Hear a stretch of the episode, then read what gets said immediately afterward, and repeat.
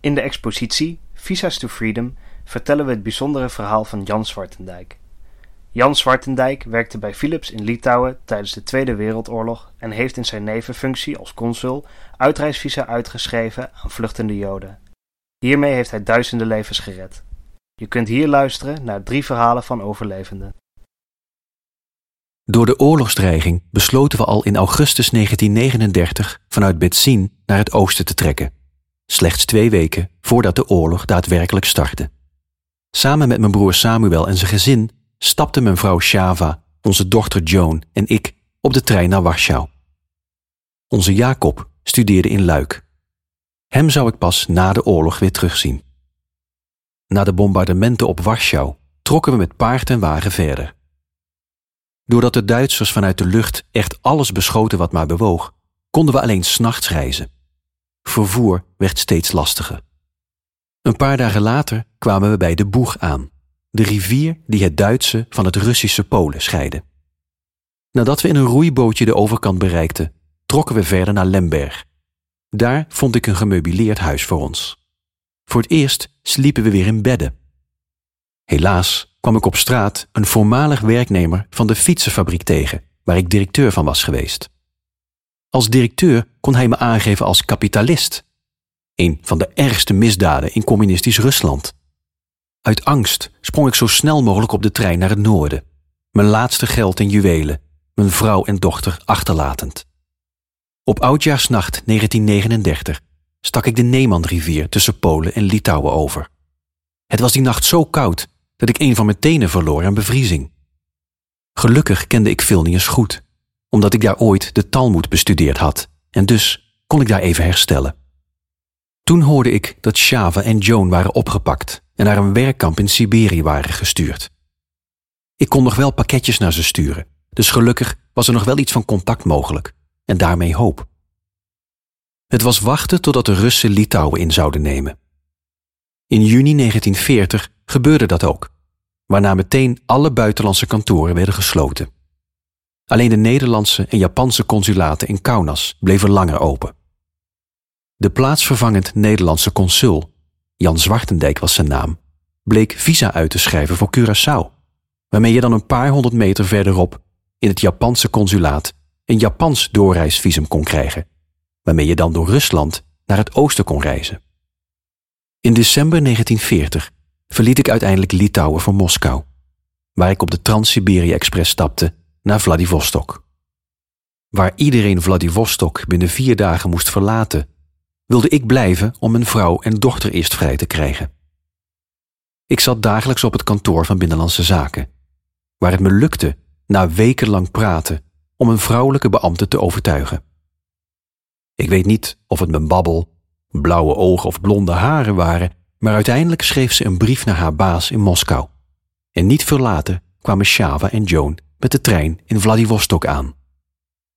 Op 1 april 1941 bereikten we Yokohama na een zware overtocht over de Japanse zee.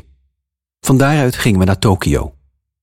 Omdat Shava en Joan de enige waren die uit de Siberische strafkampen waren ontkomen voordat de Sovjet-Unie zich bij de geallieerden aansloten, waren we nogal een opmerkelijk gezin.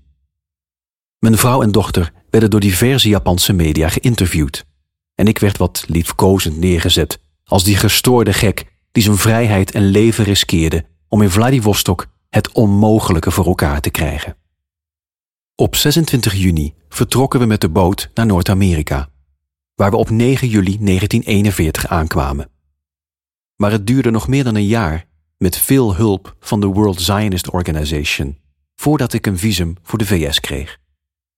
Ik kende wat mensen in Albany, in de staat New York. En toen ik daar uiteindelijk aankwam, eindigde mijn reis van ruim 25.000 kilometer. Mijn jeugd in Turek in Polen werd gekenmerkt door een strenge joods-orthodoxe opvoeding. Misschien voelde ik het antisemitisme daardoor altijd al steviger. In de Sovjet-Unie kwam het zelfs nog voor dat jonge Joodse jongens bij hun families werden weggehaald om heropgevoed te worden. Na het Molotov-Ribbentrop-pact in augustus 1939 vreesde ik dan ook meer voor het vrede-staats-antisemitisme van de Sovjets dan voor Hitler in Duitsland. Het land van verlichte intellectuelen een cultuurwetenschappelijke verfijning. De angst het Rode Leger in te moeten was de reden dat ik mijn vrouw, kinderen, ouders en schoonfamilie achterliet. Met een aantal mannen sloegen we op de vlucht. Voor drie zloty reisden we per trein naar Minsk, van waaruit we in groepjes richting Vilnius trokken. Het was een barre voettocht. De zwakkeren, die niet konden overleven op rauwe groenten en paddenstoelen, moesten we achterlaten. Ikzelf bereikte Vilnius uiteindelijk half naakt. Ik kreeg kleding van het Rode Kruis en kon met een werkvergunning als metaalbewerker aan de slag. Daar hoorde ik over de mogelijkheid om via het Nederlandse en Japanse consulaat in Kaunas visa te bemachtigen, met als eindbestemming Curaçao. Gelukkig lukte het mij deze te krijgen. De hoge kosten voor mijn reis naar Vladivostok, ongeveer 200 dollar, werden betaald door een Joodse hulporganisatie in de VS. Tijdens het boorden van de Trans-Siberia-express werd ik op het perron in Moskou benaderd door een gezin. Het bleek een moderne geassimileerde Joodse familie, die bang was dat hun 14-jarige zoon Lucian ook het leger in zou moeten. Samen met hem reisde ik verder naar Vladivostok. Eind 1940 staken we de Japanse zee over en kwamen we aan in de haven van Tsukuba, van waaruit we verder reisden naar Kobe. Daar voelde ik voor het eerst in jaren geen antisemitisme. Japanse burgers waren hoffelijk en gastvrij en de markten vol verse groenten en exotische vruchten. Met mij ging het steeds beter, maar helaas kreeg ik steeds minder aanzichtkaarten van mijn familie uit het ghetto van Warzawa. Tot ik in de loop van de tijd helemaal niets meer van ze hoorde. Ik maakte me zorgen om hen. We wisten zo weinig over wat er in Europa gebeurde. Toen Japan zich in 1941 ook begon klaar te maken voor de oorlog, werd de militaire haven van Kobe een strategische locatie, waardoor wij naar Shanghai werden gedeporteerd. Hier brachten we de rest van de oorlog door. Na de bevrijding kreeg ik het verschrikkelijke nieuws dat niemand van mijn hele familie de oorlog had overleefd. Ik weet nog altijd niet wat hen exact is overkomen. De kaarten die ze stuurden kwamen van Mila Straat 1317. Mila 18 bleek later het hoofdkwartier van het Joodse verzet te zijn geweest. Maar of ze daar iets mee te maken hadden, wist ik niet. Ik bleef alleen achter. In de jaren daarna reisde ik met Lucian de hele wereld over, via Californië, waar ik in dienst ging van het Amerikaanse leger, naar Israël, waar ik me aansloot bij de Haganah. Maar rust vond ik nergens. Totdat ik het geweldige nieuws kreeg dat mijn schoonzus de oorlog wel had overleefd, met haar kinderen. Ze hadden lange tijd ondergedoken gezeten bij een katholieke universiteitsvriend van me. In 1949 reisde ik met Lucian naar Parijs. Als jonge man van begin twintig vond hij zijn weg in het bruisende Parijse leven al snel, terwijl ik me herenigde met mijn schoonzus. Uiteindelijk trouwde ik met haar en zo werd ik de vader van mijn broers kinderen. Ik was net twaalf jaar oud toen de oorlog begon. We woonden in Lots, waar mijn zus Halina bij de krant werkte. Op dat moment wist ik nog niet hoe belangrijk haar baan zou zijn voor onze overleving.